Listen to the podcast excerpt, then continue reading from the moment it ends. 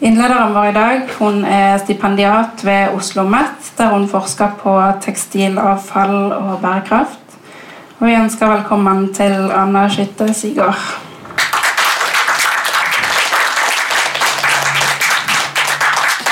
Tusind tak for presentasjonen, Marie, og uh, tusen tak for, at uh, jeg er her i dag. Det er veldig, veldig gøy. Uh, jeg hedder som sagt Anna, og jeg er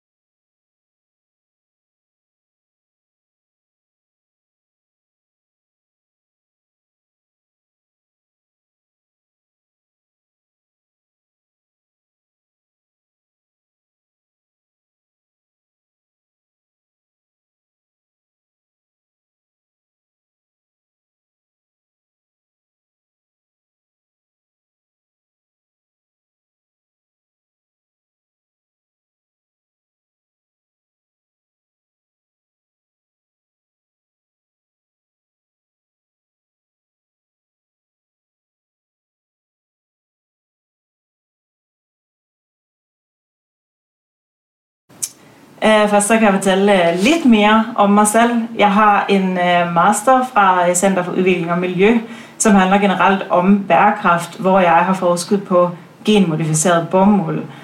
Som I måske kommer til at mærke senere, så er det noget, jeg synes er vældig, vældig spændende, og kunne sagtens snakke en hel time om, hvis det var det, jeg fik lov til.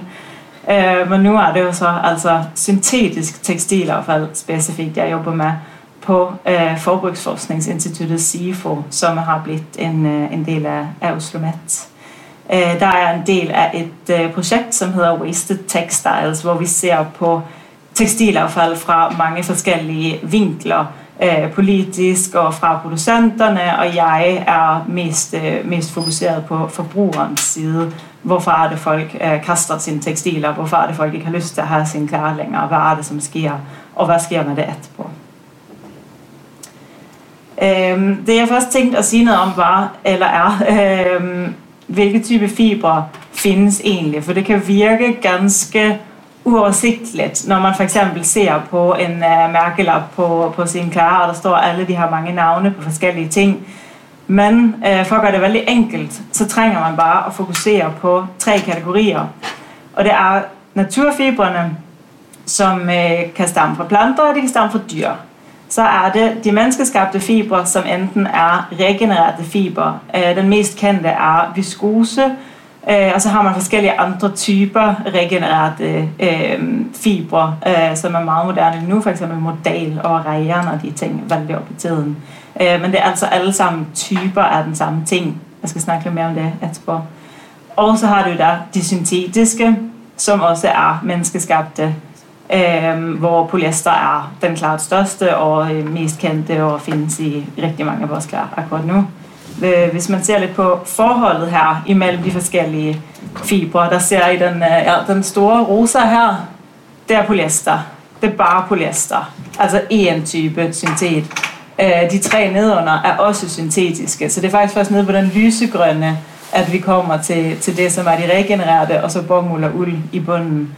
Øhm, det er længe siden, at polyester har overtaget. I 2000 der blev det større end, øh, eller producerede man mere polyester, end man producerede bomuld, og det har fordoblet sig bare på 20 år. Øh, og man ser for sig, at det bare fortsætter med at stige og stige og stige, mens de andre ligger sådan rimelig konstant. Der er lidt mere, men ikke så meget mere, altså som polyester, der bare fortsætter derover. Så det er også derfor, jeg forsker på det, og synes, at det er, er rigtig spændende. Øhm, jeg skal prøve at snakke lidt mere om øh, nogle specifikke fibre. Øh, nogle eksempler. Jeg kan ikke snakke om alle, men jeg kan snakke om nogle af, af de vigtigste. Og først så har vi øh, bomuld. Øh, de største producenter i verden af bomuld, det er øh, India, Kina og USA. Men det er meget, meget, meget forskelligt, hvordan bomuld produceres i de lande. Øh, og bomuld er ikke bare bomuld. Der findes mange forskellige typer af bomuldsplanten også. Øh, I USA der produceres det som de her, man, man har ofte set på tv, de her gigantiske marker, hvor der flyver sådan et fly henover for at sprøjte det. I der, der har du altså en sådan lille flæk med bomuld, øh, som du går og passer på, og så er der en, så har naboen også en flæk med bomuld, og ham på andre siden har også en flæk med bomuld. Så det er ligesom sådan, det bliver passet der. Øh, og i USA er alt mekaniseret. Du har maskiner, der kommer ind og, øh, og sprøjter det og høster det og gør alt, som trængs at gøre. I India, der er det for hånd. Alt bliver gjort for hånd. Du sprøjter for hånd. Du går ud i markerne og plukker meget, meget mere sådan øhm, øh, øh, labor intensive. Øh, bomuld er i øh, ganske mange af vores klar. Øh, og så er det rigtig, rigtig meget i husholdningstekstiler. Så håndklær, sengetøj, køkkenholdklar, alt det her er primært bomuld, lidt viskose, men, øh, men primært bomuld. Så det bruges til, til rigtig mange ting. Jeans, veldig godt eksempel, er lavet, øh, hvis der ikke er stretchy, af 100% bomuld. Er bomuld så bærekraftig? Øhm, bomuld er jo en naturfiber, Øh, og på den måde har man allerede startet ganske godt, fordi naturfibre de kan brydes naturligt ned. Øh, og det er meget, meget positivt i forhold til ikke at skabe mere affald, når man er færdig med tekstilerne. Men der findes rigtig mange problemer med bomuld, som øh, mange nok har hørt om. Blandt andet det her med vand. Øh, det er ikke bare under produktion, det er også ved brug. Øh, alt vi har af bomuld vasker vi ofte. Sengetøj vasker vi ofte, håndklæder vasker vi ofte, og vi vasker det ved høje temperaturer, som kræver meget energi. Øh, så, så bomuldsklæder kræver veldig mye øh, hvad skal man sige, pas, når vi først har fået dem. Øh, så bliver der brugt rigtig mange kemikalier, sprøjtemidler, planteværnmidler i at beskytte dem mod angreb, beskytte selve planterne mod angreb fra insekter. Så er der problemer knyttet til genmodificeret bomuld, det skal jeg snakke øh, lidt mere om lige om lidt. Og så er der det, at når vi planter så meget bomuld, så kunne den plads jo have været brugt til at producere mat, øh, som jo kanskje er noget, vi trænger øh, lidt mere end flere klar. Genetisk modificeret bomuld er noget, jeg har set rigtig meget på. Øhm, I USA der er det næsten 90 og i India er det over 90% af den bomuld, der produceres. Så alle os, som er her, jeg er klædt i fuld bomuld i dag, det er højst sandsynligt genmodificeret bomuld. Og det er ikke noget, vi tænker så meget over. I Europa er vi jo veldig imod genmodificeret alting. Genmodificeret Mars, det vil vi ikke have. Men vores bomuld, vores klar, det er højst sandsynligt genmodificeret, for det er det meste af det. At det er genmodificeret, det betyder øh, to, det kan betyde to forskellige ting. En type genmodificering er, at man ændrer øh, bomuldsplanten på den måde, at den beskytter sig selv mod insektangreb. Og det skulle egentlig være veldig, veldig fint øh, for ikke at bruge så mange sprøjtemidler. Øh, problemet med det er, at øh, insekterne, som angriber, de er også super smarte, og de vil efter hvert udvikle resistens over for den her beskyttelse, øh, så den slutter med at fungere. Og det er et kæmpestort problem i India akkurat nu, øh, at teknologien simpelthen ikke fungerer længere, og man har endnu flere angreb og må bruge endnu flere sprøjtemidler end før. Øh, en anden øh, genmodificering er, at man ændrer planten til at tåle flere sprøjtemidler, så når du kan sprøjte mere mod insekter, uden at selve planten bliver ødelagt. Og det er veldig smart for dem, som producerer det, men det er ikke så fantastisk at få brugt mange, mange, mange flere sprøjtemidler i produktionen. Så mange steder er den her genmodificering faktisk ikke tilladt at bruge. Der er det kun den her øh, insektresistens, man bruger. Øhm, og meget af grunden til, at det er både et problem i øh, lande som India, er, at genmodificeret bomuld er udviklet i USA, for amerikanske forhold, for de her kæmpe, kæmpe, kæmpe store marker, hvor man sprøjter på den her måde, ikke til de her små flækker i India. Der fungerer teknologien simpelthen ikke. Øhm, og det har ført til, at rigtig, rigtig mange bønder i India har sat sig i dyb gæld af at købe den her dyre, genmodificerede type bomuld, fik lovning på, at det skulle være fantastisk meget bedre, og så fejler høsten, og de sidder i gæld til op over hovedet det er derfor, man har fået øh, overskrifter som den her, der er her. Den står ikke alene fra The Hindu, veldig, det store avis i India, øh, om at BT Cotton, altså genmodificeret bomuld, har ansvar for, øh, for selvmord. Der har simpelthen været gået en bølge af selvmord ind over de store bomuldsområder i India. Så det er veldig, veldig trist, og noget, som man ikke tænker så meget over, når man snakker om bærekraft. Men bærekraft har jo også en social dimension. Det er også veldig, veldig vigtigt. Der har vi det, som handler om øh, bomuld og vand. For det jeg hører aller, aller mest, når jeg snakker om bomuld med nogen, det første folk siger, det er, hvor mange liter vand et par jeans har kostet, eller hvor mange liter vand man har brugt på et par jeans. Øhm, og de her tal, må jeg være helt ærlig at sige, de, de stemmer faktisk ikke.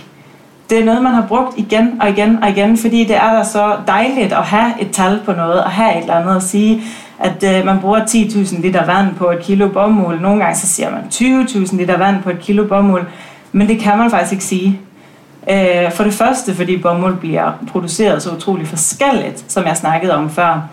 Øh, mange steder i Indien, igen for eksempel, der bruger man ikke øh, vanding. Man lader øh, bomuld blive øh, regnet på, og det er den måde, det bliver vandet. Og bomuld kræver rigtig, rigtig meget vand, ja, men det er ikke nødvendigvis et problem, hvis vandet allerede er der. Så hvis man har et system for at opsamle regnvand og vande planterne, så vil det ikke være så stort et problem, hvor meget vand bomulden bruger, medmindre man tager det fra et andet sted, som kunne have trængt det vand. Øhm, så det her er en, øh, det, det er en hård myte, den holder godt fast, øh, men vi, øh, vi jobber for at prøve at bryde den ned, fordi i dag har vi faktisk bedre tal på, hvor meget vand det tager. Og det er helt ned til altså 2.000 liter vand for at producere kilo, øh, kilo bomuld, som jo er fem gange mindre end det her. Øh, det er 10 gange mere end de 20.000 liter, man ofte snakker om. Og det kan jo lyde som utrolig meget fortsat 2.000 liter vand, og det er også det, der grunden til, at den her type tal er lidt ubrugelige, for det siger os ikke rigtig noget. Er det mere 2.000 liter, eller 10.000 liter mere, er 3 liter mere? Øhm, ja. Så det her med tal skal man altid være lidt skeptisk til, når man hører det. Så har vi uld. Øh, det er noget, jeg øh, har jobbet en del med det sidste år. Øh, fordi der er jo rigtig, rigtig meget uldproduktion i Norge. Man har hele værdikæden fra, øh, fra foråret til det færdige produkt, og det er en stor del af norsk tradition med bynatten og med forskellige typer genser. Øhm, og, øhm, og, og i Norge generelt er man veldig flinke til at bruge ulden.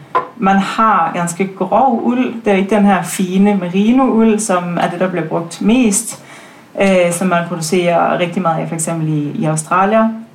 Øhm, men man har været rigtig, rigtig flink til alligevel at tage den lidt sådan grovere uld øh, i brug. Øhm, det er et problem andre steder, og det er det, der er vigtigt at snakke om, når man snakker om uld og bærekraft. Øh, det har fået et lidt, øh, lidt dårligt rygte for at skulle være veldig, veldig dårligt, men igen, nyere tal viser, øh, for at køre er ikke så slemme for miljøet, som, som man oprindeligt tænkte. Øh, og uld er en helt fantastisk ressource. Uld holder rigtig, rigtig længe, og det er også vigtigt at tage ind. Det handler ikke kun om produktionen, det handler også om, hvor lang tid noget varer.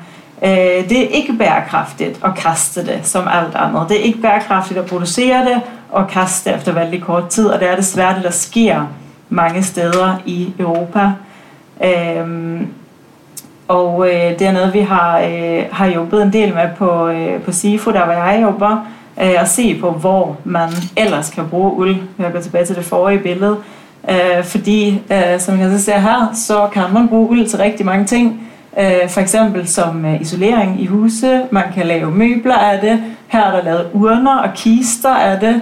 Øh, og man kan bruge det i, øh, i jordforbedring og i, i hagearbejde, fordi uld kan veldig, veldig mye øh, som man simpelthen ikke kan få til øh, i, et, øh, i et syntetisk øh, produkt.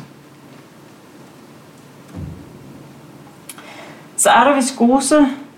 Øh, viskose er, øh, som jeg sagde før, rigtig mange ting, eller øh, regenereret fiber er rigtig mange ting, og øh, viskose er øh, den vigtigste af dem. Det er lavet af cellulosefibre.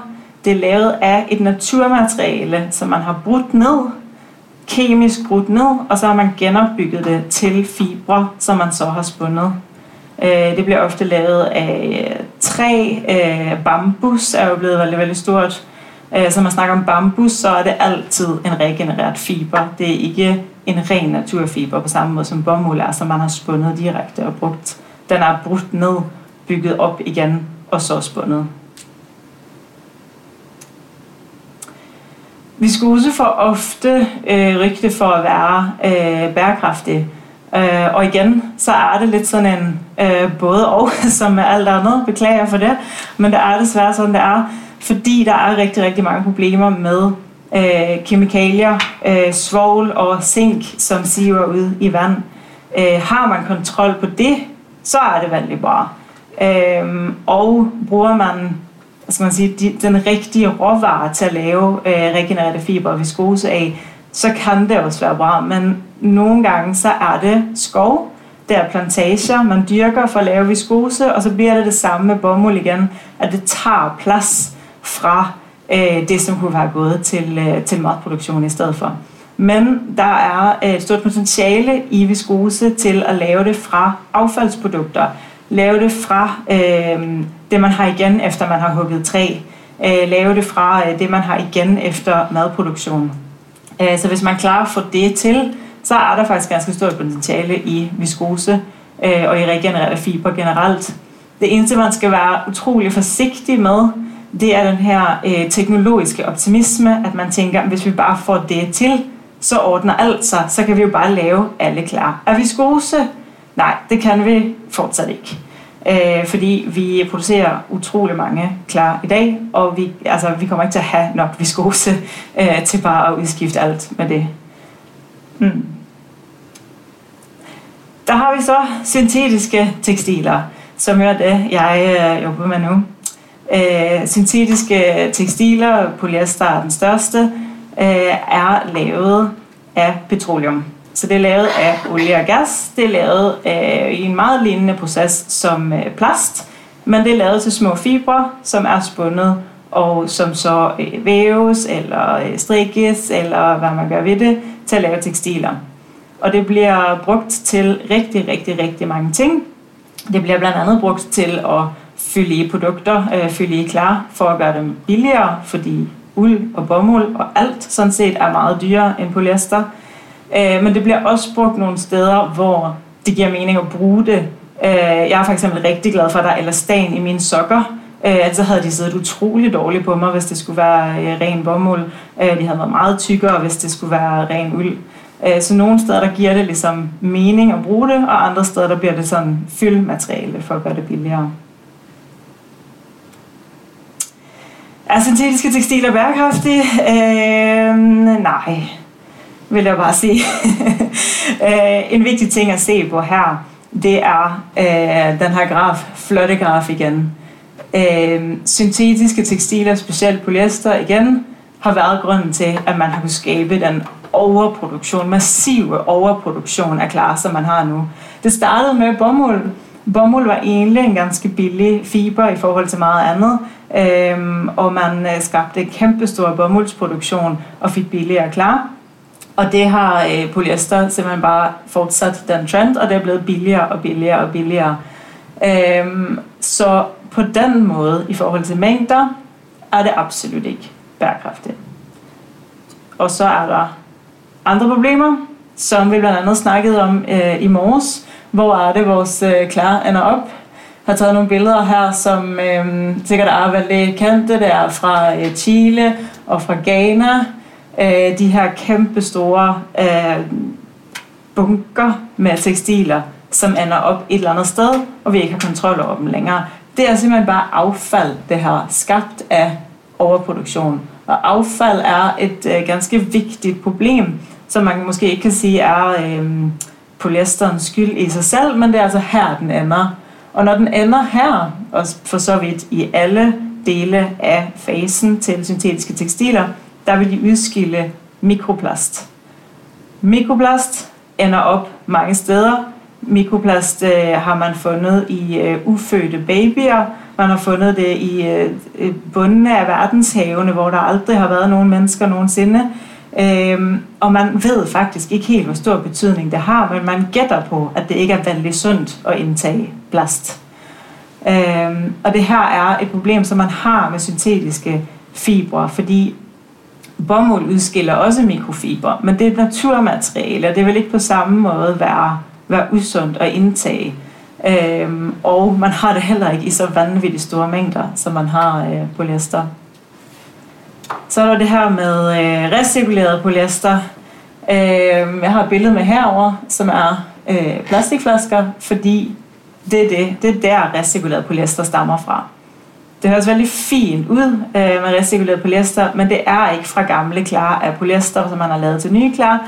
Det er simpelthen, at man har taget de her flasker, som skulle have været i en flaskeautomat, øh, som skulle have været genvundet til nye flasker om og om igen, indtil det er helt slut på dem.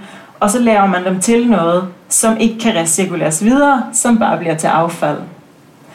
Og der vil ikke være plastflasker nok i verden til at lave alt polyester, vi øh, potentielt vil trænge i dag øh, af plastflaskerne. Det vil der ikke være. Lige nu er der et sådan kapløb mellem brands om at få ligesom ravet til sig alle plastflasker, så når de kan lave recirkuleret polyester øh, og ligesom tjekke bærekraftsfeltet øh, af for sig selv. Men det er ikke specielt bærekraftigt. Absolut ikke. Det her skulle have været nye flasker, ikke tekstiler. Ja, nu har vi øh, snakket om øh, fiber og øh, bærekraft. Øh, men noget, som er øh, utrolig vigtigt at tænke på, for faktisk at kunne sige, øh, hvis man har øh, min skjorte lavet af 100% bomuld, øh, jeg har også en anden skjorte ude i min kuffert, jeg tog med for en sikkerheds skyld, øh, den er af 100% viskose. Øh, jeg har for så vidt også en til, som er 100% polyester, øh, for at kunne sige, øh, ligesom de skjorter imellem, hvilken er mest bærekraftig, så er man nødt til at vide meget, meget, meget, meget mere end bare, hvad er de lavet af. Og det er ganske vigtigt, fordi fiber udgør bare cirka 15 procent øh, af den totale miljøbelastning i glasproduktionen. Så man kan ikke sige, om noget er bæredygtigt bare ved at se på, hvad er det lavet af. Du er nødt til at have alle de andre dele med. Så derfor giver det valgte lite mening bare at snakke om fiber. Man er simpelthen nødt til at se på hele, øh, man siger from cradle to grave øh, af et tekstil. Altså fra det skabes til det er helt færdigt og er, øh, er øh, destrueret faktisk. Men alligevel, så diskuterer vi fiber, og vi diskuterer fiber rigtig meget lige nu. Man diskuterer fiber på øh, nyhederne, man diskuterer fiber i politikken, EU diskuterer fiber, hvad er mest bæredkraftigt, hvad skal vi bruge, hvad er fremtiden, hvorfor gør vi det? Det gør vi blandt andet, fordi ingen har defineret bærekraft i tekstilindustrien. Derfor har industrien selv fået lov til at definere bærekraft. Og det har de gjort på den måde, at de øh, har sagt, at vi bruger det, som vi kalder preferred fibers. Det vil sige, at man har lavet en liste over fibre, og så har man rangeret dem fra mest bæredkraftige til mindst bæredkraftige. Den eneste liste, der findes officielt for det, det er den, man kalder Higg-index. Øhm, nu bliver det lidt sådan øh, konspirationsteoretisk, men bear with me, øh, det har en god mening. Fordi Higg-index, det er udviklet af noget, som hedder øhm, øh, uh, Sustainable Apparel Coalition. Så de har sustainable i navnet i hvert fald. Øh, uh, SIC er det også kendt som. Uh, det er en uh, gruppe, som er grundlagt af Patagonia, Øh, for dem af jer, der ikke ved, hvad Patagonia er, så er det en gigantisk, gigantisk klassefirma i USA. De producerer rigtig, rigtig meget, specielt øh, sådan yte klar, klar man har på ytendørs. Øh, så et øh, firma, klassefirma, har altså oprettet en gruppe for at bestemme, hvad som er bæredkraftigt for dem selv. Øh, ikke nok med det, så er Patagonia finansieret delvist af Shell. Og Shell producerer olie. Så det er ikke super overraskende, at HIG-index favoriserer de syntetiske fibre. Fordi det er de syntetiske fibre, der tillader overproduktion, det er de syntetiske fibre, der er billige, og det er de syntetiske fibre, der derfor skaber profit for akkurat dem, som har bestemt, hvad som er bæredygtigt. En anden grund til, at vi alligevel bør diskutere fibre, Det er, fordi der er nogle fibre, som er bedre til nogle ting end til andre ting. Uld er vældig bra, hvis du har lyst til at holde dig varm. Eller sten er vældig bra, hvis du har lyst på noget elastisk. Og det har vi jo også. Øhm, og så er det på grund af recirkulering. Fordi øh, i dag kan vi ikke skille fibre fra hverandre. Øh, hvis vi ser på den her flotte fibermærkning her, det er der jo krav om i EU, det skal have fibermærkning. Øh, de her er begge to fra mit feltarbejde. Det her indeholder så mange forskellige ting, og metal er jo ikke engang en fiber. Øh, jeg ved simpelthen ikke, hvad de har tænkt på her, men det her bliver fuldstændig umuligt at recirkulere. Du kan ikke skille 3% kashmir ud. Du kan ikke skille 10% polyester ud. Du kan ikke skille fiberne fra hverandre på den måde. Det du kan er at recirkulere. Øh, jeg tror, det er, at du må have 95% øh, bomuld. Der går det andet at recirkulere det og lave det til nyt. Du kan recirkulere ren uld, men du kan ikke recirkulere det her. Så på den måde er det veldig vigtigt, at vi diskuterer fiber. Øh, den her tog jeg med, fordi jeg synes, den var veldig morsom. Den består af 80% bomuld og 20% velure. Velure er ikke en fiber. Velure er lavet af bomuld, primært nogle gange uld, så den her består egentlig af 100% bomuld. Øh, så ja, det er også en grund til, at det er lidt vigtigt at snakke om fiber, fordi det er ikke altid, folk egentlig helt ved, hvad det er. Øh, så det her er, øh, er fejlmærkning. Hvis I ser noget, som er mærket med bambus, der er det også en fejlmærkning. For det kan godt ske, at det er lavet af bambus i udgangspunktet, men det er en regenereret fiber, så den skal mærkes som viskose.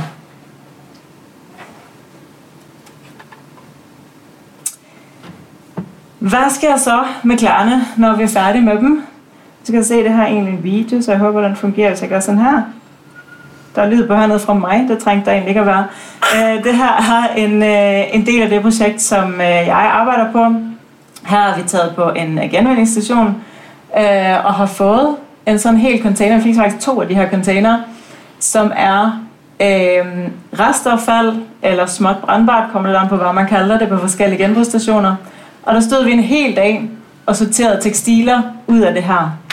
Øhm, og folk kaster rigtig, rigtig, rigtig mange tekstiler. Vi endte med at tage med os 300 kilo til øh, videre analyse, og 300 kilo bare vejede vi ud og sagde, det får bare være, det kan vi ikke have med.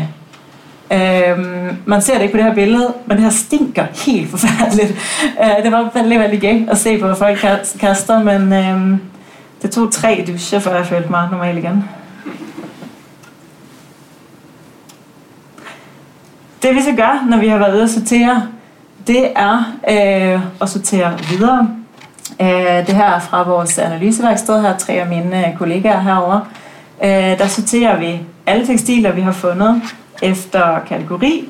Øh, så øh, hvad man bruger det til, er det klar, hvilken type klar er det, Øh, eller er det lækker for eksempel? Øh, er det hygiejne ting? Er det tapper, øh, husholdningstekstiler?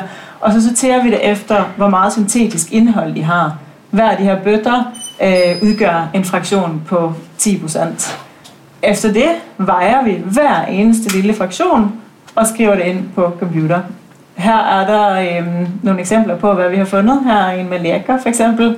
Der er mundbind. Rigtig, rigtig, rigtig mange mundbind. Mundbind er også tekstil. Øh, og rigtig, rigtig mange sko. De ser der, der er sådan et par rosa og Nike-sko. Øh, de var helt nye. Dem tog jeg med hjem. Dem er jeg rigtig glad for. Øh, hvis vi ser på, hvad vi har, øh, har fundet, så er... Øh, den har omformet sig, den her. Ja, det skal i hvert fald være cirka 45% øh, syntetiske fibre, som er ganske mere, fordi rigtig, rigtig meget af det, som kastes, er håndklar og øh, sengetøj og de her ting, som jeg sagde tidligere, primært består af bomuld. Så det her er faktisk en rigtig, rigtig høj andel af syntetiske fibre, øh, fordi det vil sige, at der er rigtig, rigtig meget syntet, som bliver kastet. Så der er rigtig, rigtig mange øh, sportsklar, for eksempel, som bliver kastet. Øh, det vi også fandt var, at øh, over 60% af det, som blev kastet, det var ikke ødelagt. Det var helt okay. Det var øh, fortsat brugbart. Øh, det var så ikke brugbart for den person, der kastede det tydeligvis, men vi fandt flere ting, som havde mærkelagt på, som var helt okay. i den der kæmpe store container i så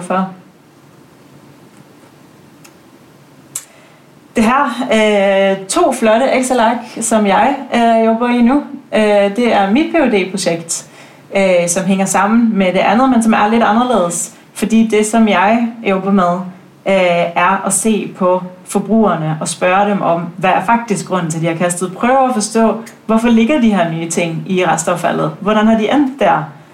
Øhm, så jeg øh, har deltagere, som samler alle tekstiler, de ellers skulle have kastet i løbet af 6 måneder.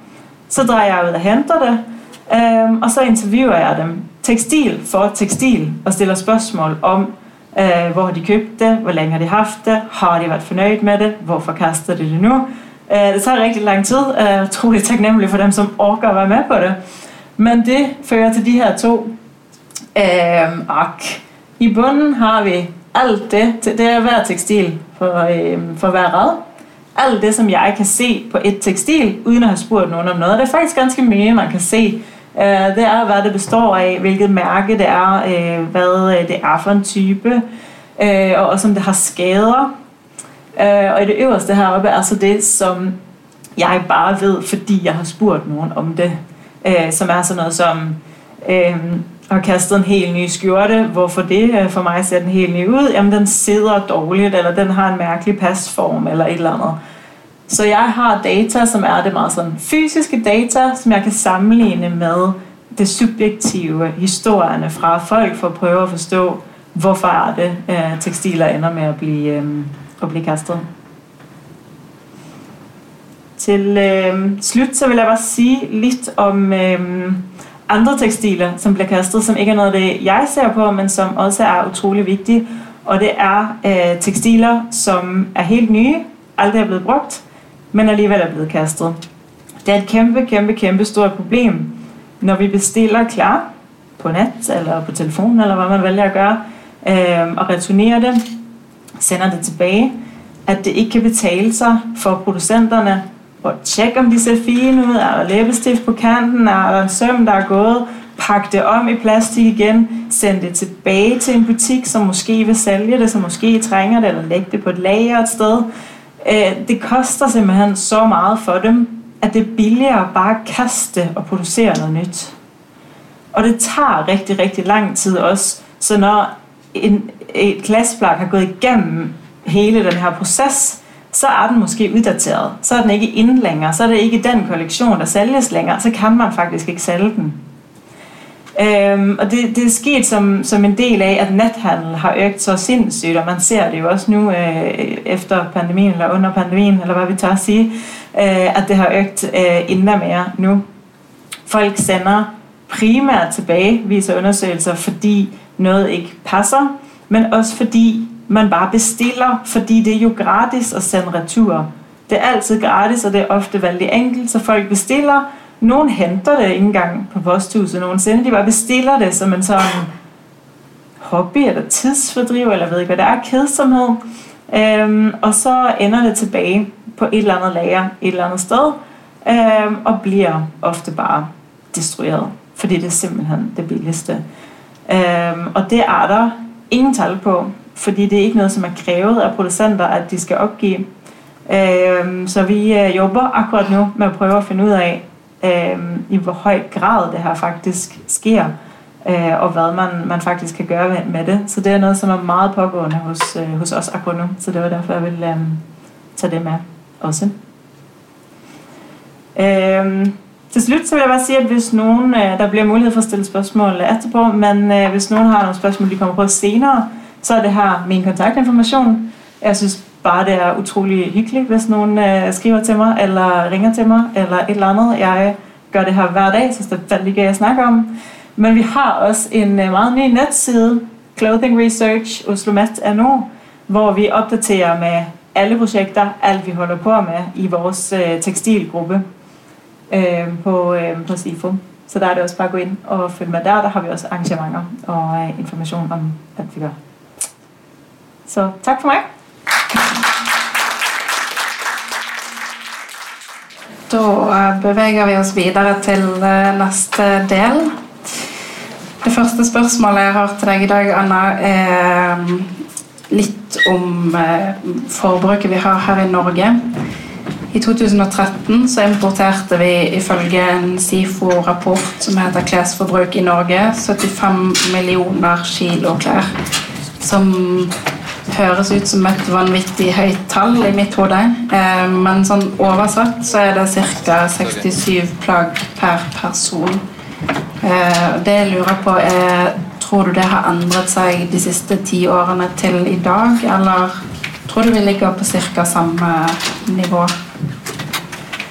Eh, jeg vil nok ganske sikkert si at eh, det har økt. Eh, hvis man bare forestiller seg min flotte graf her igjen og ser på eh, hvordan polyester er kommet oppover Det skal jo øh, gå et sted hen, og det går i glassproduksjon. Øh, så jeg vil nok øh, våge og gætte på at det har gått ganske godt oppover. Mm. Ja. Um du snakket også om hvilke type tekstiler vi har, eh, med naturstoffer og sånn halvveis kjemisk lagede stoffer og eh, bare syntetisk. Ehm, hva er det som er forskjellen fra det, de tekstilene vi bruker nå, og de vi brukte for, for 50-60-70 år siden?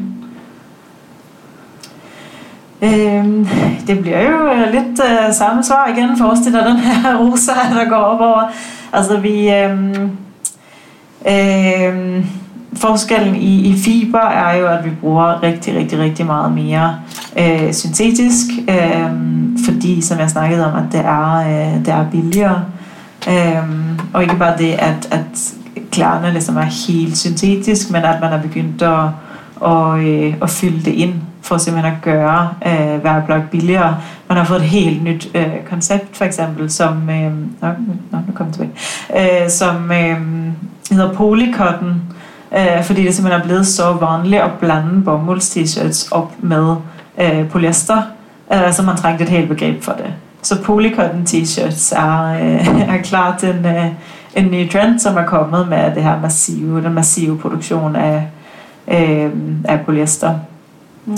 På glasfronten kan man sige, at øh, vi har fået øh, mange flere klar, men også øh, øh, antallet af kollektioner, som kommer ud fra glasfirmaerne, er jo vokset helt vanvittigt. Man snakker om, at vi har 16 kollektioner i året nu, hvor man før havde et par stykker øh, sommer og vinter, kanskje lidt øh, vår og høst, men nu er det 16 gange i året, at hver eneste glasproducent, som der også er blevet flere af, øh, skifter kollektion. Så øh, der er blevet både flere klare, men også flere forskellige klare, flere forskellige typer, hele tiden konstant, flere, flere, flere, mere, mere, mere. Mm. Uh, vi ser en tendens i eh, forhøyet forbruk, altså. Um, du forsker jo på tekstilavfall uh, i forbindelse med dette bærekraftsbegrepet. Hva tror du kan bli konsekvensene av klesindustrien sånn som vi driver den i dag, hvis vi fortsetter, eller hvis vi ikke klarer å snu denne trenden med dette fast fashion-forbruket? Vi ser jo allerede øh, konsekvenserne i de her ørkener, og det er jo ikke noget, som er nyt. Det er jo ikke skabt i år. Øh, det er skabt i løbet af rigtig, rigtig, rigtig mange år, og vil jo bare fortsætte. Og på et tidspunkt så øh, slutter vi i Vesten med at have steder, vi kan sende vores affald hen. Øh, der, der, der slutter simpelthen med at være lande, der tager imod det. Man ser det jo allerede nu, øh, flere lande i, øh, i Afrika, blandt andet Rwanda, har gået ind og, og sagt, at øh, vi vil ikke tage imod mere vi kan ikke tage mere, markederne er mættet, vi har nok klar, vi vil ikke have jeres gamle tekstiler. Øhm, og der må vi jo øh, til at begynde selv at, at dele med det, og det kan blive, blive vanskeligt, hvis vi fortsætter produktion og forbrug, sådan som vi gør nu. Ja. Det var jo uh, litt tema på møtet som var tidligere i dag, at vi eksporterer klær som vi ikke kan bruke, eller som vi ikke vil ha, til utlandet og til afrikanske land og til Asia. Eh, og at vi kanskje har lettere for å på en måte begrunne dette høye forbruket vårt da, fordi at vi eh, når vi er ferdig med klærne, eller når ikke vi vil ha de lenger, så går de jo til noe godt, og så kan vi sitte igjen med god samvittighet for det. Men så ser vi nå da at det, behovet er der kanskje ikke i den grad som vi har tenkt. Nej, for det skaber jo bare et, øh, et problem et andet sted. Øhm, at, øhm, at Fretex sælger nogle af vores klar, og resten det sælger de til, jeg tror det er cirka 8 kroner per kilo ud af landet, og så bliver det solgt videre eller distribueret videre nedover. Øhm, det har jo skabt de her gigantiske øh, markeder for meget, meget, meget, meget billige klar, øh, blandt andet i Ghana. Øhm, og det er jo lidt bare, eller rigtig meget faktisk bare at lægge ansvaret over på andre. Øh, lidt ligesom når vi sælger plastaffald ud af landet, og lader nogle andre tage sig af det. Øh, der bliver det samme med tekstiler, men fordi man helst ikke har lyst til at se på sine tekstiler som affald, medmindre de er helt ødelagte, så tænker man det som, som en donation eller som en, en ressource, som kan gå videre til, til nogle andre det er i hvert fald rigtig meget det, jeg hører, når jeg har interviews med folk og spørger, øh, hvis nu ikke jeg har hentet det her tekstil, øh, hvad, øh, hvad vil du så have gjort med det? Så siger de, så vil jeg have givet det til Fretex, fordi så er der jo nogle andre, som kan få glæde af det. Og så er det ligesom færdigt. Ja. så tænker man ikke så meget mere over det. Eh, det går kanskje litt under det samme temaet, men eh, det er jo mange kjeder som f.eks. Hennes og Maurits og Kapal og disse som vi ser overalt i, i hvert fall norske byer og sikkert eh, rundt i Skandinavia, at det er blitt populært å merke klærne sine med bærekraft eller conscious. Eh, og det er på en måte blitt en måte å si kjøp dette plagget med god samvittighet, og ikke bekymre deg for noe, for dette har vi et stempel på som skal være et verdistempel. Eh, men kan vi egentlig stole på disse merkelappene? Betyr de noe sånn i praksis? Er de mer bærekraftige enn andre plagg? Det er jo ikke noen øh, retningslinjer for, øh, eller krav for, øh, hvad man skal opfylde for at kalde sig bærekraftig. Øh, så på den måde er det jo et, øh, et stempel, man ofte bare kan sætte på. Der begynder at blive rigtig, rigtig meget mere regulering med det. Øh, blandt andet så har øh, Forbrugerrådet begyndt at gå ind øh, og sige, at medmindre du faktisk kan bevise det her, så kan du faktisk ikke sige, at det er bærekraftigt. Og det er jo veldig, veldig bra, men det tager lang tid, fordi man tager hver eneste ting. En ting er, at du ikke kan sige, at det er bærekraftigt, men kan du så sige, at det er conscious, øh, kan du sige, at det er grønt, kan du sætte øh, et øh, lille grønt blad på, for måske at indikere noget. Der er simpelthen så mange ting, som... Som man må gå igennem, og som man må regulere direkte på, for at komme det her til, til livs. Øh, og jeg forstår jo godt, at folk er super forvirret over det, og ikke øh, ved, om det stemmer eller ikke stemmer. Man tænker, når man køber noget, som, som siger, at det er bærekraftigt, så er det det. Øhm, og samtidig kan man sige, øhm, der kom jo, øh, var det i, i høst, der kom den nye øh, Sustainable Collection fra, øh, fra H&M, Øhm, og ifølge øh, de her krav, ifølge det HIG-indeks, jeg nævnte tidligere, så er det jo bærekraftigt, fordi polyester jo vinder der. Øh, så ifølge de, øh, den måde at se det på, så bliver det jo bærekraftigt. Men det er det så bare ikke alligevel. Øh, så det, det, det er helt vildt vanskeligt at, øh, at komme til livs det her. Jeg forstår virkelig godt, hvis, øh, hvis forbrugerne er, er forvirret. Ja. Um, du snakket også om dette med vannforbruk, spesielt i forhold til bomullsdyrking. Uh, og her vi sitter i Norge, og, og, kanskje spesielt i Bergen, så tenker jeg jo at vann har vi jo nok av. Og det faller jo ned fra himmelen, på en måte. Um, men når de snakker om at det er negativt å bruke så mye vann i uh, dyrking altså Det går jo på både tekstiler og mat og alt, egentlig, så snakker vi om dette negative vannforbruket. Hva er det som gjør at det er dumt å bruke vann? Det er øh, jo dumt at bruge vand, som øh, nogen skulle have brugt til at drikke, eller som øh, andre planter skulle have brugt i naturen og fjerne det fra øh, noget af det, som vandet naturligt skulle have gått til. Øh, der, hvor, hvor det ikke er et problem, er jo der, hvor, man, hvor det naturligt skulle have gået til de planter. Øh, det er et problem, når du må gå ind og vande og ligesom tilføje ekstra vand steder, hvor der er meget, meget, meget, meget tørt. Øh, og du planter bomuld, som er en plante, som, øh, som trænger rigtig, rigtig meget vand i, øh, i vækstperioden. øh, der må du gå ind og tilføre vand, som ikke er der naturligt, og vand er jo også en ressource, som man tager et sted fra.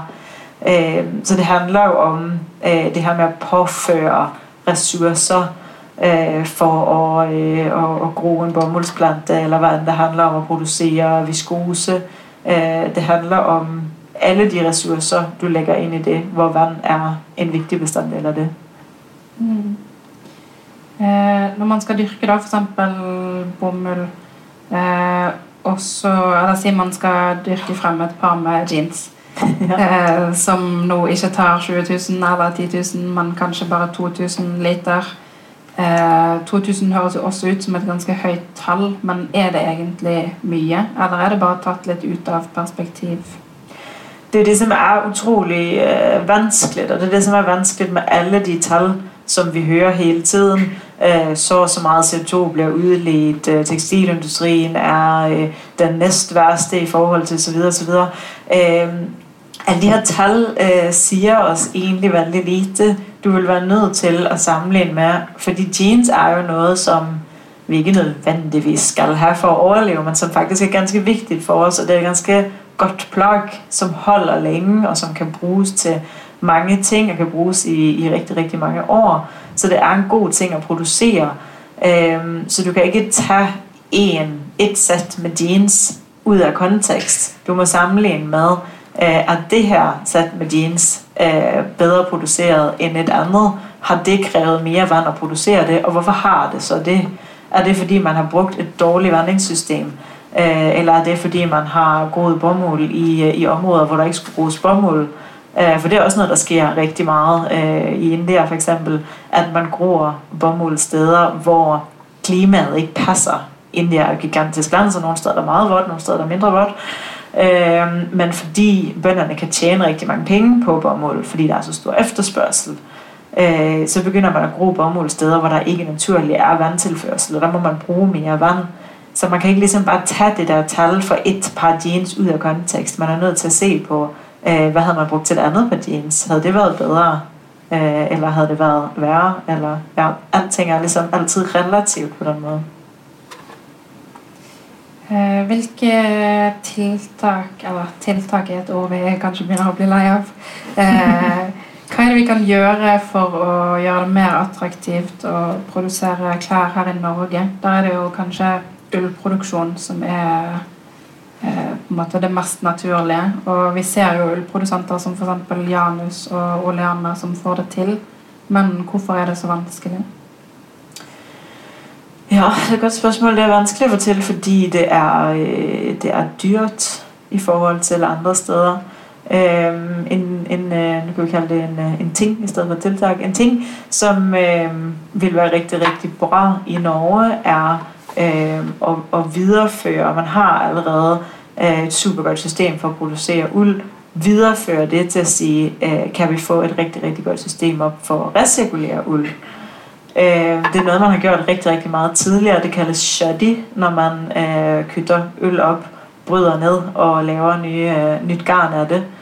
Øh, men det er blevet nedlagt. Det er en, øh, en gammel tradition, øh, som øh, vil være en rigtig fin øh, ting at, øh, at tage op igen. Øh, det tror jeg vil have passet øh, rigtig godt til det norske forhold. Mm. Men bomuld bliver jo vanskeligt.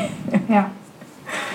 Ehm, men tror du er det egentlig dyrere å produsere er det, altså er det ull som er dyrere å produsere, eller er det dyrere å produsere det i Norge fordi at vi faktisk må betale folk for arbeidet de gjør?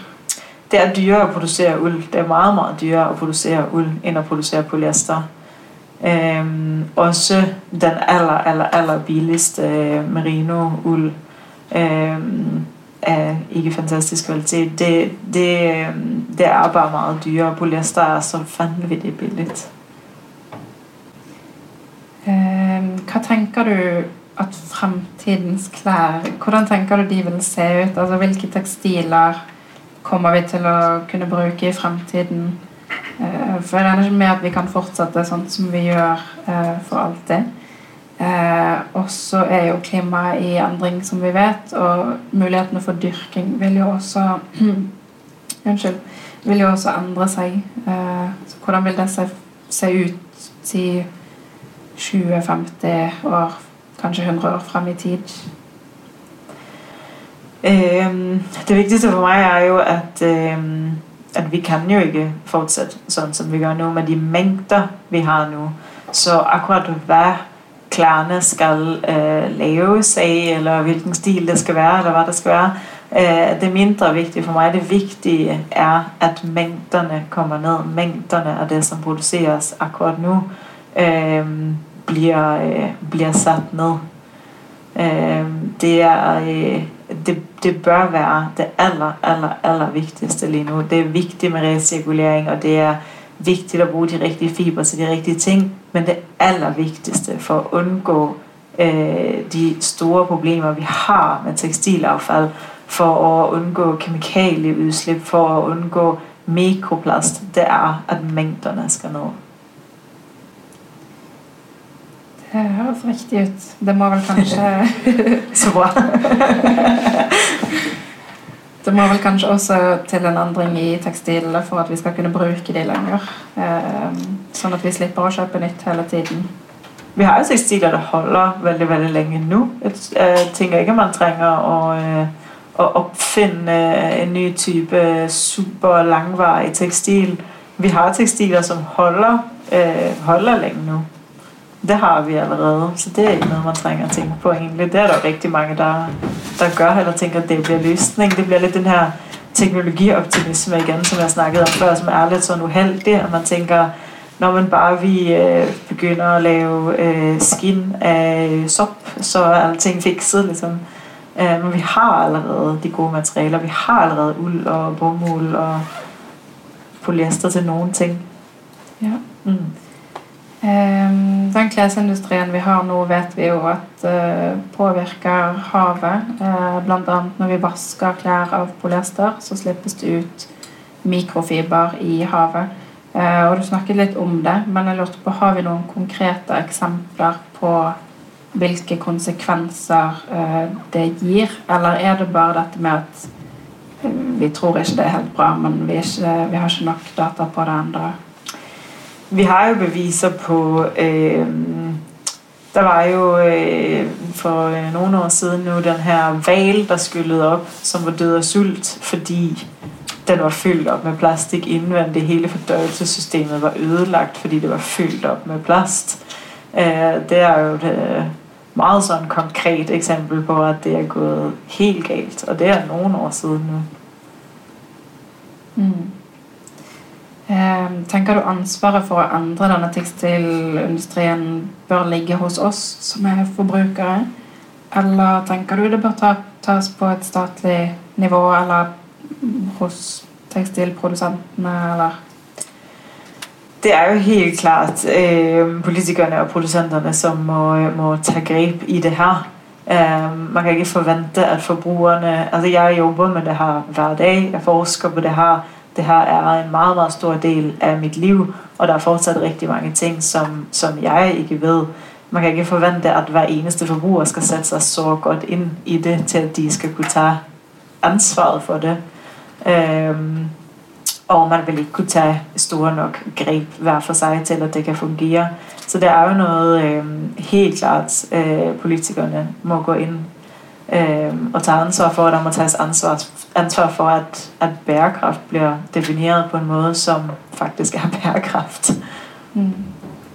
eh, Det er jo kanskje naturlig at eh, skal- Jeg vil ikke bruke ordet ansvar, men at på en måte, temaet ligger litt hos forbrukerne eller befolkningen, eller hva vi skal si, før det går inn i politikken. Eh, men er vi kommet til et punkt nå der vi på en måte har snakket nok om dette til at tiltakene er klare til å settes i gang, eller må vi ha flere fokusuker og flere møter før det på en måte når ut til så mange folk at det kan bli en politisk sak? Ehm, et godt spørgsmål. Ehm, det er jo kommet så langt nu, at det er kommet på dagsordenen. Det så vi forrige uke, at der var op til flere øh, partier, som øh, stillede forslag øh, om ølige tiltag, som, øh, som kunne gøres. Øh, problemet er, at det ikke er, er alle af de tiltag, som er så veldig virksomme. Øh, så det som, øh, som øh, jeg skulle ønske, der er nok lidt farvet af sagen også, men det var, at der blev lyttet mere til forskerne. Øh, at man, øh, man lyttede til dem, som faktisk har, har forsket på, hvad, hvad det er, som fungerer, har set på, hvad det er, som, øh, som fungerer. Øhm, så øh, det er kommet et skridt i en retning nu, at det er kommet på dagsordenen, og det er utrolig flot. Øh, det bliver jeg utrolig glad for at se øh, for ikke, at, øh, at Norge også har fulgt med nu. Det har jo været oppe i både Danmark og Sverige, veldig mye oppe i Frankrike, men nu er de norske politikere ligesom kommet på banen også. Så mangler der bare det med at foreslå de rigtige, de ægte virksomme tiltag. Mm. Eh, for å endre det på en eh, litt uh, lys tone, så lurte jeg på om du kunne komme med noen måte, konkrete tiltak som, uh, som, vi kan gjøre, vi som sitter i salen, da, og bare det vanlige mennesket, for å prøve å bidra til å bedre denne litt dystre industrien på? Ja, man kan jo øh, være oppmerksom på øh, litt hvilken kultur der er skapt i en vennegruppe. Øh, og at prøve på at gøre noget med, med den, øh, skabe en kultur for, at man øh, deler. For eksempel, at man har øh, klassebyttemarked, skal der være i morgen. Det er jo en veldig fin ting. Øh, at man øh, køber brugt, at man ikke øh, trænger at købe nyt altid, at man godt kan gå de, øh, i de samme klare mange dage i træk, eller den samme, det samme outfit til mange fester det semester.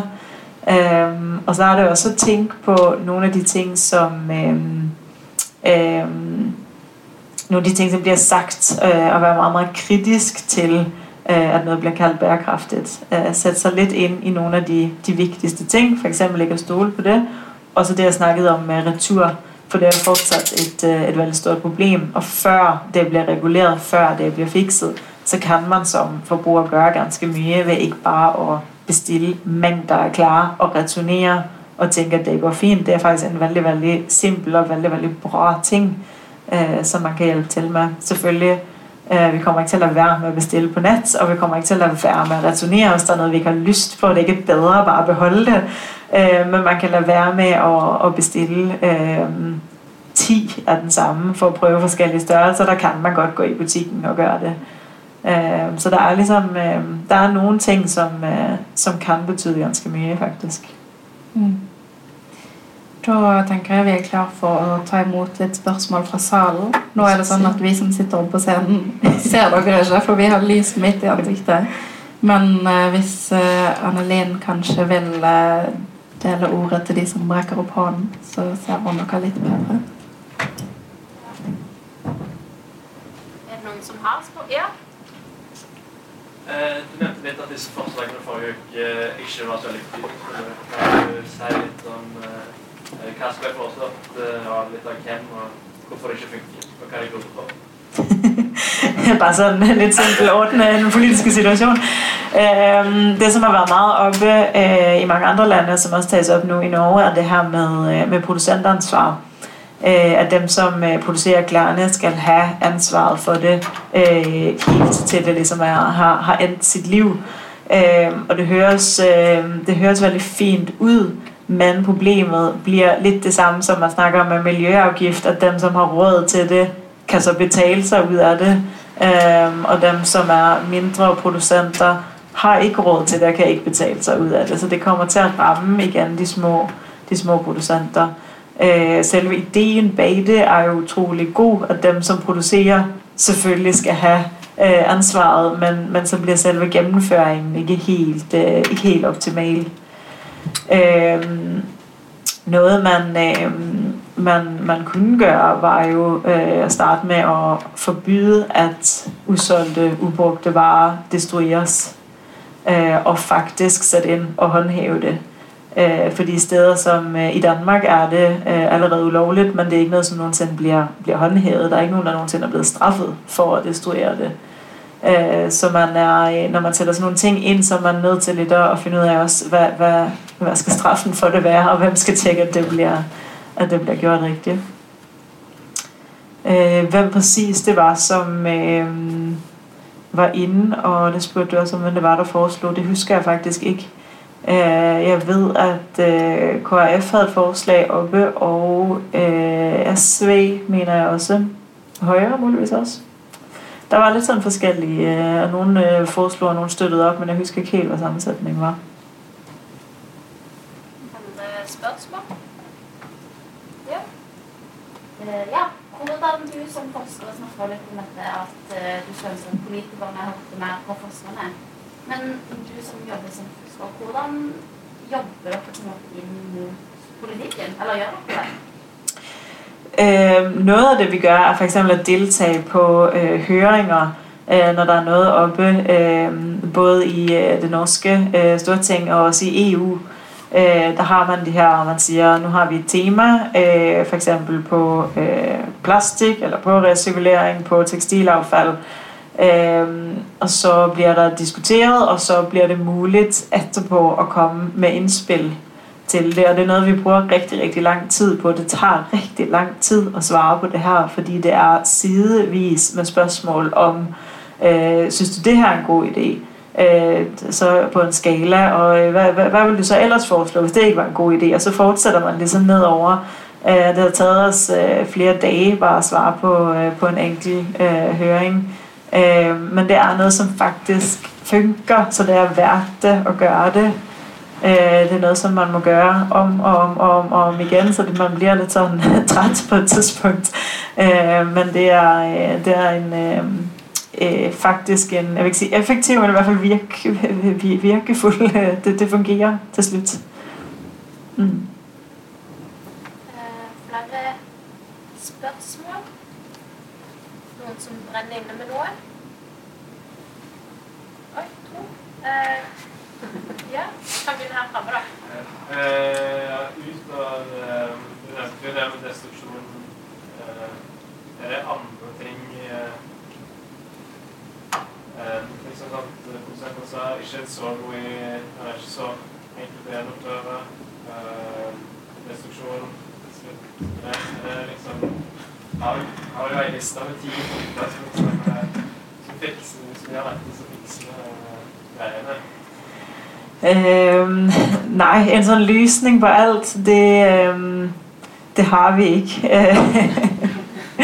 øh, vi lærer jo også øh, fortsat, vi har jo nogle ting, som, øh, som vi forestiller os kan være veldig bra. Øh, og så øh, støder vi jo også på problemer, for eksempel med det med at, at, at forbyde destruktion. Øh, så bliver det jo næste spørgsmål, jamen, hvad, hvad skal man så gøre med det? Øh, Øh, så vi øh, øh, støder jo også på, øh, på problemer konstant i forhold til, i forhold til vi, det, vi synes er en god idé. Øh, men det vi primært ønsker os er jo at, øh, at få mængderne ned. Øh, det er ligesom det, som er øh, øh, hovedudfordringen nu. Øh, hvordan det så skal se ud øh, politisk, det er et øh, veldig, veldig godt spørgsmål. Øhm, og det øh, trænger vi øh, mange, mange flere end øh, bare øh, mig som samfundsforsker til at finde ud af. Det trænger vi jurister og økonomer og alle mulige andre mennesker til at ligesom sætte et øh, konkret lovforslag ned om. Det var Ja. Eh, Da, da har vi fokus på, på produsenter og eh, liksom i den enden der, da. Men, men for forbrukerne, og oss som sitter her, eh, er det et spørsmål om betalingsvilje, eller er det bare dårlige valg vi gjør? Hvis vi, altså I den grad vi var in- informert og kunne gjøre gode valg, da. Men eh, er det at vi ikke Vi snakker om kvalitet. Eh, ja, det finnes klær som varer lenge i dag. Eh, hvorfor kjøper vi ikke det istedenfor noe annet? Er det bare fashion? Eller eller om jeg har nogle tanker rundt det? Det er en blanding af, det er en blanding af mange, øh, mange ting. Øh, der er ofte en indstilling til klar, som at hvis du, hvis du kan få det billigere, hvorfor så ikke købe det billigere? Øh, så er der mange, der ikke har, øh, der, der rett ikke har råd til at købe det, som vil, øh, som vil holde længere. Øh, det snakker jeg også med folk om i interviews, de siger, at de skulle ønske, at de kunne købe de der ting, der varede længere, men det kan de ikke. De må købe det på øh, H&M eller nogle af de billigere steder. Øh, og så tror jeg også, det mangler øh, en, øh, en oversigt over, hvad som faktisk er bra. At det ikke altid bare er det, som er lidt dyrere, som er, øh, som er bra. Øh, og når man så står med den risiko, at man faktisk ikke ved, om man, når man betaler noget mere, om du så også får prisen værd, øh, så kan det ikke betale sig, så kan det bedre betale sig at købe noget, som er billigere, og så ved man, at ja, det holder måske ikke så længe, men jeg gav heller ikke så mange penge for det. Det tror jeg i hvert fald, øh, i hvert fald dele af det. Det var et spørsmål. Jeg har tenkt på det med å forby destruksjon, fordi det er et stort problem i klesindustrien. At hvis det kommer regler mot f.eks. Eller hvis det kommer minstelønn på produksjon og sånn, så bare flyttes det til et nytt lavkostland. Er det mye det som ligger bak at man Det er vanskelig å håndheve loven mot destruksjon i Danmark, blant annet. At man vet ikke helt hvor man skal rette det, eller? Øhm, det ved jeg faktisk ikke helt. Øhm, jeg tror, det er vanskeligt at, øhm, at, at håndhæve det, fordi øh, man ikke ser, at det sker, eller hvor det sker. Det er ikke sådan, at ligesom, der hvor der er bålet for tekstiler, og så stopper vi ligesom med lastebilerne der. Øh, måske bliver de sendt ud af landet, før det bliver destrueret, og der ved man ikke helt, hvor det skal hen. Øh, der er meget, meget lidt åbenhed, og der er ikke særlig store krav om, om åbenhed øh, for producenterne. Der, der, der er ikke noget sted, de ligesom skal krydse af, det her fik jeg ikke solgt, så det brænder jeg. Øh, så det tror jeg er, er en stor del af det. Flere spørsmål? Nei? Jo, ja. Uh, ifølge uh, H&M Group så sier de at de har tenkt å fase ut nyproduserte tekstiler i kolleksjonen sine. Eh, uh, da lurer jeg på hva tenker du rundt det? Jeg tænker det samme, som jeg sagde tidligere. Der kommer ikke til at være plastikflasker nok i verden til at fylde H&M's kollektioner med recirkuleret polyester. Øh, det er jo øh, utrolig fint, hvis de øh, vil begynde at udvikle teknologi for at recirkulere øh, bomuld og uld, men jeg tror rigtig meget, at det handler om recirkuleret polyester. Øh, og det er, ikke, øh, det er ikke en løsning, og det er ikke engang specielt bærekraftigt i sig selv at gøre. Øh, der er rigtig mange problemer med, øh, med recirkuleret polyester, som jo både handler om, at du igen skal øh, behandle plastikken, før den kan blive til tekstil. Øh, som jeg snakkede om før, det kan ikke recirkuleres videre. Øh, der er mikroplastproblemer. Øh, jeg tror, når H&M snakker om det der, så snakker de om recirkuleret polyester.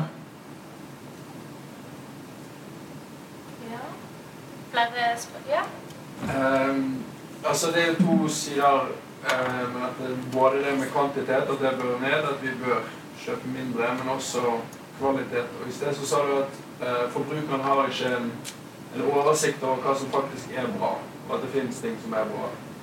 Men har du en oversikt, eller finnes det en oversikt? Altså, fordi det, jeg sitter igjen med en sånn tanke om at ja, jeg klarer ikke å kjenne hele fra vogge til grav på de og de eh, eh, klærne. Så da Mm. hva er det som er det, som er bra? Hjælp mig! Så bra, Nej, det er netop det, som er så vanskeligt, fordi som jeg sagde om, og jeg snakkede om før, så handler det jo ikke bare om fiberne eller materialet, eller hvad det er lavet af.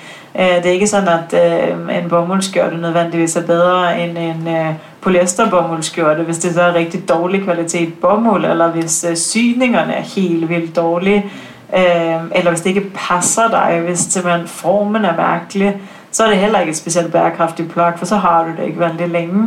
Øhm, så det er jo øh, helt vildt vanskeligt. Det er jo derfor, netop derfor, det er, vanskeligt for forbrugere, fordi det er vanskeligt for mig at vide, hvad som egentlig er, hvad som egentlig er bra. Mm. Et spør, et spørsmål her, det er litt annen eh, retning. Eh, Det med netthandel, mye retur, eh, det har jo selvfølgelig noe Antagelig med bestiller forskjellige så ønsker du seg der det passer best, eller noe sånt, når du ser det i speilet. Men, men det kan òg være med størrelse, da.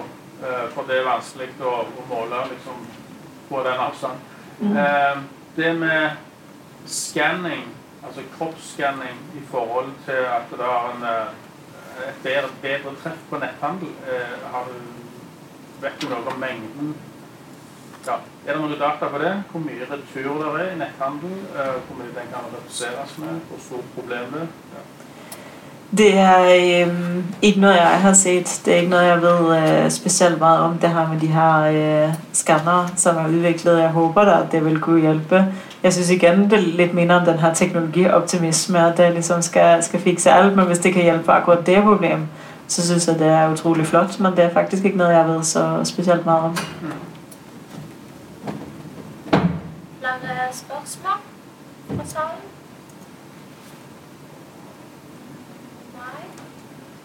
Snakk nå, eller fram til tida er ikke Da vil jeg gjerne eh, informere om det som Anna nevnte i sted. Det skal være et klesbyttemarked her på huset i morgen.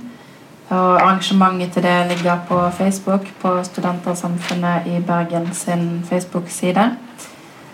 Eh, og Da gjenstår det bare å si tusen takk til dere som kom og så på i dag. Og tusen takk til Kraft for lys og lyd. Og tusen takk til deg, Anna. Ja, tusen takk. Det var veldig hyggelig å være her. Takk for invitasjonen.